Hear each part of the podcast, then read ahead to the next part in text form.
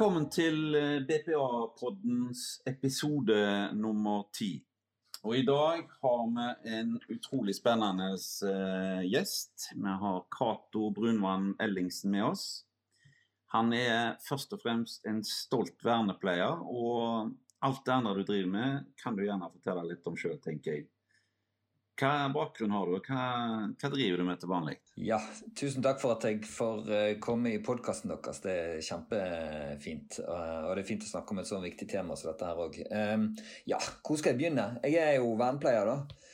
Ehm, og det har jeg prøvd å snakke høyt og tydelig om i alle år siden jeg eh, ble vernepleier. Men jeg har nå jobbet eh, hele mitt voksne liv for og sammen med utviklingshemmede. Så det er på en måte det som er mitt utgangspunkt. Startet som støttekontakt og var trent et håndballag og et fotballag for utviklingshemmede. Og så begynte det der, egentlig. Jeg eh, jobbet på dagsenter i siviltjeneste, og så lurte jeg veldig på om jeg kunne bli en god vernepleier. Og det det maste jeg på alle som jeg jobbet sammen med. Eh, tror du jeg vil bli en god vernepleier? Tror du jeg vil bli en god vernepleier? Og til slutt så orket de ikke høre på meg, så de sa vel ja, og så ble jeg vernepleier. Så, så, det er utgangspunktet mitt. Så det er arbeid for og sammen med utviklingshemmede som på en måte har vært eh, omdreiningspunktet i min eh, arbeidskarriere, i hvert fall. da. Uh, ja. Og så har jeg drevet på med en del uh, politisk arbeid. Uh, og gjennom, gjennom, på en måte det å være vernepleier, så har jeg òg vært aktiv i profesjonsorganisasjonen til vernepleierne. Så jeg har vært en del av fagbevegelsen i flere år. så har jeg jobbet i ulike kompetansetjenester der vernepleie og vernepleierfaglig arbeid og utviklingshemming på en måte har vært satt i fokus. da. I ditt yrke så kan jeg se for meg at du ser den delen av Norge der det kanskje er størst utfordringer. Blant uh, gjerne noen som ikke har eget talerør, eller ikke kan snakke for seg sjøl. Hvordan opplever du uh, din hverdag med, som, med, med, den type mennesker? Mm. Ja, nei, det, for det første er jo det veldig spennende. og Jeg syns det er veldig spennende å prøve å finne ut av eh, hva er det som er viktig for folk som kanskje ikke har den sterkeste stemmen eller stemme i det hele tatt, og på en måte prøve å finne ut av på en måte hva hva er det som er viktig for deg, og hva er viktig for deg i ditt liv? Eh, syns jeg er kjempespennende å eh, jobbe med. da. For det at eh, eh, folk med utviklingshemming opplever vel veldig ofte at de Eh, ikke blir lyttet til og ikke blir eh, sett. Og eh, det jeg ofte kaller for kommunens hemmelige tjenester. De koster ganske mye penger, men det er veldig få som egentlig vet om hva som skjer i tjenestene til folk med utviklingshemming. Da. Og kanskje, vil jeg hevde, veldig få som egentlig bryr seg òg, da. Så Eh, jeg opplever jo det at utviklingshemmede For det første så opplever jeg at de ikke får, uh, får sine rettigheter oppfylt. Uh, og I tillegg så er det utfordringer knyttet til tjenesteytingen uh, i de tjenestene som de er helt avhengig av ofte. Altså, hvis De jeg har jobbet sammen med i stor grad, er jo folk som har behov for omfattende tjenester for å på en måte kunne leve liv i tråd med egne verdier. da. Eh, og eh, når man er, har behov for omfattende tjenester, så er de helt avhengig av folk rundt seg som ser de og lytter til de og klarer å oversette det eh, de klarer å uttrykke, på en fornuftig måte, sånn at vi på en måte kan forstå hva de ønsker og vil i sitt eget liv. da. Ja, jeg ser jo det ofte i min egen jobb. Altså, det er gjerne to, et sånn klassisk case som jeg opplever. Gjerne to eldrende foreldre som har et utviklingshemma barn som er blitt voksen og er relativt slitne. Og kommunen holder igjen, spesielt på dette med BPA. Hva tror du er grunnen til at det sitter så langt inne hos enkelte kommuner?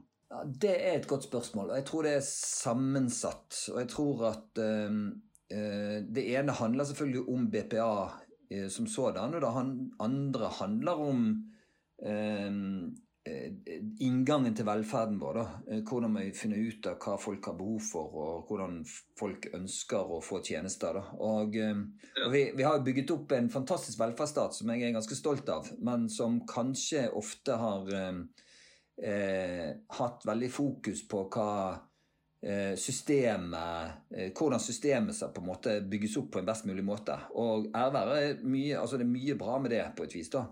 Men utfordringen er jo når man skal se det enkelte mennesket og se på en måte hva er det, hva, hva er det du trenger. da, og eh, da har jo jeg opplevd foreldre for eksempel, som er, eh, altså, opplever å måtte kjempe en kamp for tjenestene. Og det gjelder ikke bare BPA, det gjelder egentlig ganske mange, mange tjenester. At man må hele tiden dokumentere og vise og eh, eh, på en måte eh, vise frem sine svakheter da, for å kunne få eh, gode nok tjenester. Altså, jeg må si òg det at det er jo en del altså Mange får gode tjenester, og mange får de tjenestene de trenger. Og innimellom så handler det òg om foreldre som ikke klarer helt å slippe taket. På, av gode grunner ofte, men allikevel. Sant? Altså det, alle, alle, opplever jo at barna sine er det viktigste man har. Og det er klart det at eh, det, å, det å be om hjelp til å takle sine egne barn, enten det er eh, små barn eller voksne barn, si, er jo en utfordring, da. Så jeg tenker jo at kommunene oftere kunne vært mye mer på tilbudssiden og, og på en måte eh, sagt at dette her er mulig. Hvordan kan vi Altså, et mantra jeg ofte sier, er jo at uh, kommunene og saksbehandlere bør være døråpnere istedenfor portvoktere. Uh, og altfor ofte så opplever folk at folk er portvoktere, eller saksbehandlerne er portvoktere til velferden. Ja, den tror jeg er mange som deler det synet ditt. Eh, du, eh, du driver òg din egen blogg, vernepleieren.com. Eh, kan du fortelle litt om den? Den var veldig spennende. så Jeg fikk litt tid til å gå innom den. Ja, det har vært mitt sted der jeg liksom har både blandet fag og politikk. Og av og til så Altså eh, vet jeg ikke helt hva jeg skriver om, om det er fag eller politikk, da, men jeg har holdt det liksom omkretsen rundt dette med vernepleierfaglig arbeid. da. Men jeg eh, har jo ønsket å på en måte nå ut med både faget, altså vernepleierfaget og eh, profesjonen min og sånn, men òg utfordret en del sånn politiske eh, altså, stillinger. da, og jeg, eh, jeg tenker jo at han er en velferdspolitisk blogg òg, da. Og noen ganger så skriver jeg mange innlegg i løpet av en måned, og av og til så går det flere måneder før jeg skriver et innlegg. Det kommer litt an på kapasitet og engasjement og sånn. da. Men eh, jeg har bl.a. skrevet om BPA der, og eh, jeg tenker at eh, som Altså, som vernepleier så er det jo ikke altså Det er klart at kampen for BPA eh, har jo òg stått mot både profesjonene og vernepleierne. Og det er ikke alltid sånn at vernepleierne har vært de som har ropt eh, heiet mest da, på, på, på BPA. Okay. Uh, og jeg har prøvd å på en måte problematisere det et par ganger på bloggen min opp gjennom årene. Uh, og jeg er jo en stor tilhenger av BPA som ordning. Uh, men det er klart at BPA i seg sjøl har jo stilt spørsmål ved behovet for profesjonskunnskap og faglig kompetanse i en BPA-ordning. Og det utfordrer jo meg som profesjonsutøver, da. Men hva tror du er grunnen til at vernet pleieren ikke heier på BPA? Hva, hva er bakgrunnen? Ja, nå maler jeg eh, bildet ganske stort, da. Så, og jeg tror jo, tror jo, ofte at det har vært motsatt. At kampen for BPA har på en måte vært kampen mot profesjonene da, i helsevesenet og helse Fordi at BPA-ordningen i seg sjøl er en frihetskamp og en likestillingskamp og ikke en tjenestekamp. sant? Så det at det å på en måte gjøre noe med det, det har utfordret på en måte profesjonene og vernepleierne i liksom vår kunnskap og kompetanse. Eh, og så tror jeg det at det eh, har òg stilt noen spørsmål ved Er det liksom behov for oss vernepleiere? Hva er det egentlig Hvis alle skal BPA, hva er det vi kan bidra med i, i en BPA-ordning, da, f.eks.? Og jeg er jo stor tilhenger av BPA, men jeg er òg stor tilhenger av at man trenger vernepleierfaglig kompetanse.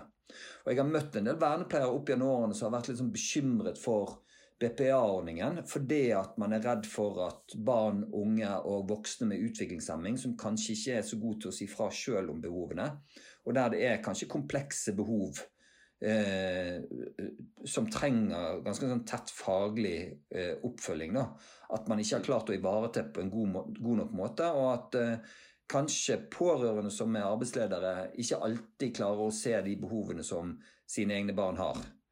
At, eh, og det, det, har nok vært en berettiget redsel blant en del fagfolk. At på en måte klarer man egentlig å ivareta f.eks. behovet for kom, kom, eh, kommunikasjonskompetanse. da. Mm. Eh, men jeg tror jo at det, det lar seg løse da, eh, på gode måter. da. Men det jeg leser av deg nå, at det er vel dette med valgfriheten som er det viktigste. For det er jo en kjent sak at eh, BPA er ikke løsning på alt. Ikke sant? Det tror jeg er viktig å huske på at BPA er jo egentlig et verktøy til valgfrihet og frihet i, i det hele tatt. da. Uh, og det som har slått meg i på en måte fremveksten av BPA, f.eks., er jo at uh, jeg syns at det har påvirket de øvrige tjenestene altfor lite. Uh, jeg opplever litt for ofte at man sier at for å oppnå frihet og selvbestemmelse, så må man ha BPA. Og det stemmer nok av og til òg, da. Det er det verste av alt. sant? Det stemmer litt. sant? Mens jeg skulle ønske at uh, de øvrige tjenestene hadde lært litt av hva er det som er suksesskriteriet i BPA. Sant? Utover selvfølgelig at det er en helt, kanskje i en helt særstilling, da. Men, men hvordan kan man uh, gjøre at andre typer tjenester og, og omsorgs, helse- og omsorgstjenester i større grad kan på en måte gi større grad av selvbestemmelse, større grad av brukermedvirkning, eh, større grad av eh, fokus på hva folk sjøl syns er viktig i sitt eget liv. Så jeg skulle jo ønske at For det første tror jeg at det er behov for at flere med utviklingshemming får BPA. Men jeg tror òg at eh, det er ikke nødvendigvis alle som skal ha det, men jeg tror at de tjenestene bør lære mer av BPA-ordningen, da. Mm. Ja. Altså, vi ser jo da en en god del kommuner som tillater en kombinasjon. Mm. Og det har kanskje du òg uh, vært vitne til kanskje kan fungere bra. Hva tenker du om det? Ja, jeg tror at eh, vi må ha et mangfold av ulike ordninger. Eh, og igjen dette med at denne inngangen til tjenestene Hvordan finner vi ut hvilke tjenester som er best for deg? Hvilke ordninger er det best i ditt liv? på en måte? Hva er det du ønsker i ditt liv, og hva er det som på en måte det offentlige kan stille opp med på en eller annen måte for at du skal oppnå det, det du sjøl ønsker i ditt eget liv. Og Da kan det godt være at BPA er riktig måte å organisere tjenestene på, men det kan godt være at det er i kombinasjon med andre ordninger, eller at det er andre ordninger som skal ivareta det på en god nok måte. Da. Um, og da tenker jeg akkurat denne um, jeg skrev en masteroppgave uh, som på en måte retter seg egentlig inn mot uh, barn, eller familier med barn med funksjonsnedsettelse. Um, og har sett på avslagene folk får i disse tjenestesøknadene. Da.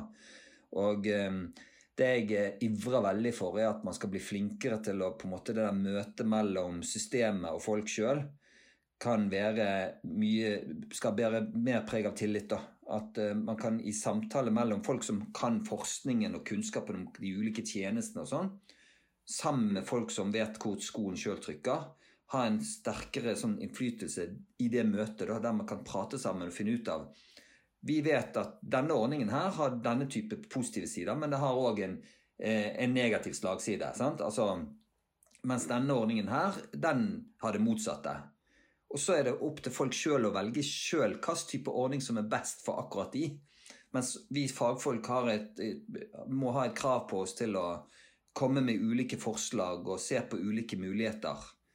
Altså, og det er det liten, altfor liten grad av i dag. Da, at man faktisk, Og da kan det godt være at uh, oftere skal vi Oftere må man si at vet du hva, BPA er en god ordning for deg. Eh, sant? Altså, dette her BPA vi, Altså, jeg tviler på at det er mange kommuner som selger inn BPA-ordningen. Eh, og i hvert fall ikke til utviklingshemmede. Jeg tenker at eh, eh, kommuner skal være mye mer proaktive og si at BPA det er antageligvis en veldig god ordning for deg. Eh, og tørre å si det. Mens eh, i andre sammenhenger så kan man òg si at eh, vet du hva, vi har, denne ordningen har vi, men vi har en annen type ordning som kanskje er bedre for deg. Dette må du bestemme sjøl på et vis, da. Ja, apropos det å bestemme sjøl. Du er jo S-politiker. Og jeg har lyst til å snakke med deg om fritt brukervalg. Ja. det vil det være. Er, er det kompatibelt? altså, Går det an å, å være SV-politiker og ha troen på fritt brukervalg? Altså Fritt brukervalg til lytterne må jeg da forklare at du har muligheten da til å velge leverandør til din tjeneste, f.eks. en BPA-leverandør. Ja. Eh, åpenbart er det mulig. Eh, men jeg vet at det er en altså Jeg opplever det som et reelt dilemma akkurat på BPA, fordi at BPA er en ordning som setter så fokus på dette med å kunne velge, velge sjøl ulike leverandører. da. Mens det er jo egentlig ikke og det høres ut som et vanlig SV-mantra, da, at det er jo egentlig ikke valg av leverandør som er viktig, men det er valget av type ordning eller kunne bytte. Det å kunne si at vet du hva, jeg er ikke fornøyd med hvordan dere organiserer disse tjenestene mine på. Hvordan skal vi endre på det? Jeg ønsker å bytte det. sant? Det der at det skal være mye større grad av eh, innflytelse fra brukerne, altså folk sjøl, at de skal få en mye større grad av innflytelse på hvordan tjenestene blir organisert. Og der er jeg helt sånn sikker på at det offentlige tilbudet har vært altfor, altfor, altfor dårlig på å gjøre det. Men, må, må, må, du ikke, må, du ikke, ha en konkurransesituasjon for at uh, det skal kunne oppstå? Jeg tror ikke det, men det er noe Altså, altså det er både et uh, politisk standpunkt og på en måte Og det er klart at eh, nå snakker jeg på en podkast til en kommersiell aktør på et vis, da, men, men jeg, jeg, det som jeg er litt sånn opptatt av, er at det er ikke nødvendigvis Jeg er ikke av de som mener at det er kvaliteten det står på. Jeg tror at uh, man finner gode og dårlige aktører både innenfor offentlig og privat eller kommersiell sektor på et vis. da. Så vi skal passe oss for å si at tjenestene blir så mye dårligere hvis det kommer mange kommersielle, eller, eller at de blir så mye bedre. Fordi at det fins gode og dårlige eksempler på tjenester uh, uavhengig av på en måte eiersiden på det. da. Anbudsordninger innenfor dette feltet er problematisk. Det er problematisk at uh, man uh, må ta opp igjen anbud etter x antall år. Det går mye tid og ressurser til det, som burde vært brukt til tjeneste. Men det går òg mye på en måte usikkerhet.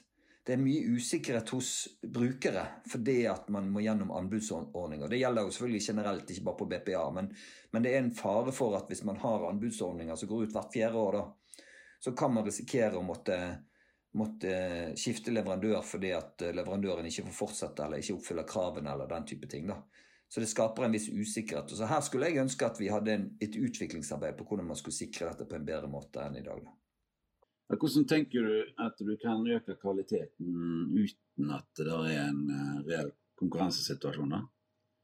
Ser du for deg noen sånn ISO-systemer uh, som kan sikre det, eller hva? Hva gjør man da hvis du ikke skal ha konkurranse?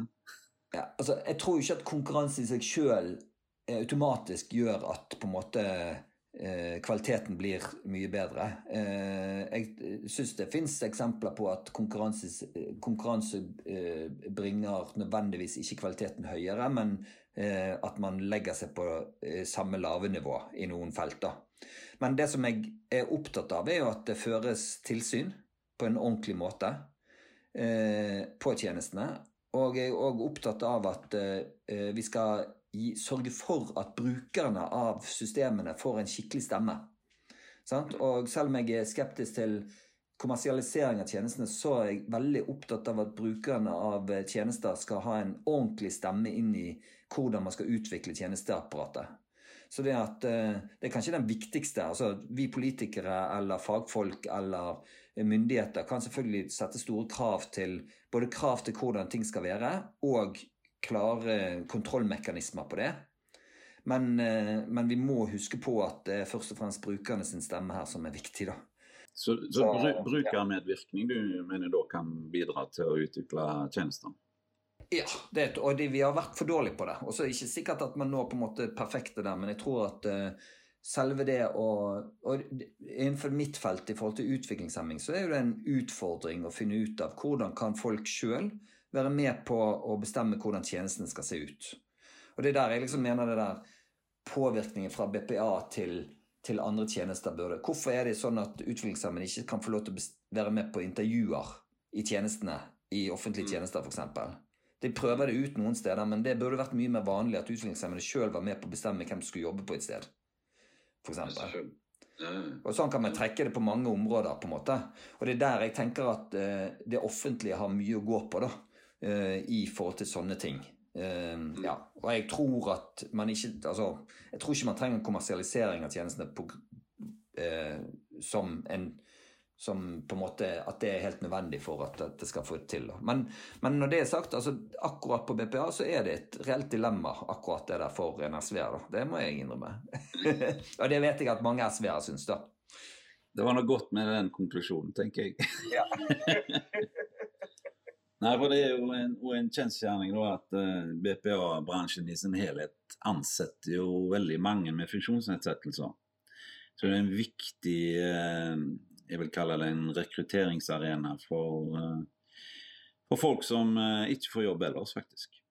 Hva, hva tenker du om det? Det syns jeg er kjempebra. Og så er det jo et paradoks at eh, funksjonshemmede må jobbe innenfor funksjonshemmedefeltet for å få jobb. da. Så det at uh, På ene siden så er det Jeg syns det er virkelig bra at uh, de aktørene på feltet, uansett hvem det er, er gode på å rekruttere folk med uh, funksjonsnedsettelse. Og det er jo lurt òg fordi at man på en måte har en ekstra kompetanse i det. Enten, enten har egen erfaring eller erfaring med barn eller den type ting. Så er det, det er en viktig erfaring å ta med seg. Men det er jo et paradoks at det er så vanskelig å komme seg inn på arbeidsmarkedet for folk med funksjonsnedsettelse, eh, sånn generelt sett, da. Så eh, vi kan ikke nøye oss med at det er bare BPA-aktørene som er gode på å rekruttere folk med funksjonsnedsettelse. Nei, men jeg vil kanskje ta det så langt at vi, vi er kanskje i toppen når det gjelder i prosent. da. Ja, det tror jeg. Det er, i hvert fall, det er bare et sånn eh, anslag jeg òg kan gjøre ut fra hvem jeg kjenner som jobber innenfor dette feltet. Så åpenbart. Og det er veldig bra, da. Altså, jeg skal ikke snakke ned det. Det er mer det der at det på en måte Det burde ikke bare være der det var, var lå, lå høyt oppe i statistikkene på det, da. Det kan jeg komme med en oppfordring? Ja, en spesiell oppfordring til Det kan være at det skal klippes vekk, eller sånn, men en oppfordring til kommunene i forhold til BPA og utviklingshemming som jeg har lyst til å si noe om. Og det er, det er at veldig mange med utviklingshemming bor jo i bofellesskap eller sammen med andre med utviklingshemming. Det er jo en utfordring i seg sjøl, men eh, det gjør òg at tjenester og bosted henger veldig tett sammen. Og jeg skulle gjerne sett at det var flere med utviklingshemming som gjerne bor i et bofellesskap, det kan være mye bra med det, men som får BPA-ordning. Ofte så er det sånn at havner man i et bofellesskap, så er det sånn at eh, da får man tjenester fra avdelingen som drifter det bofellesskapet, og plutselig så er det blitt en institusjon.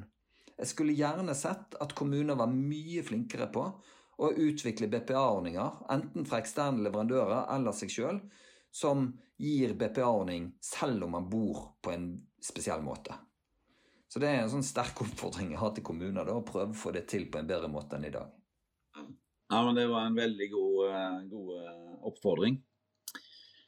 Og tusen takk skal du ha, Cato, for at du stilte opp i vår eh, fremragende podkast. Jeg setter veldig pris på å få komme. BPA trenger ikke være vanskelig. Vil du vite mer? Besøk oss gjerne på miobpa.no.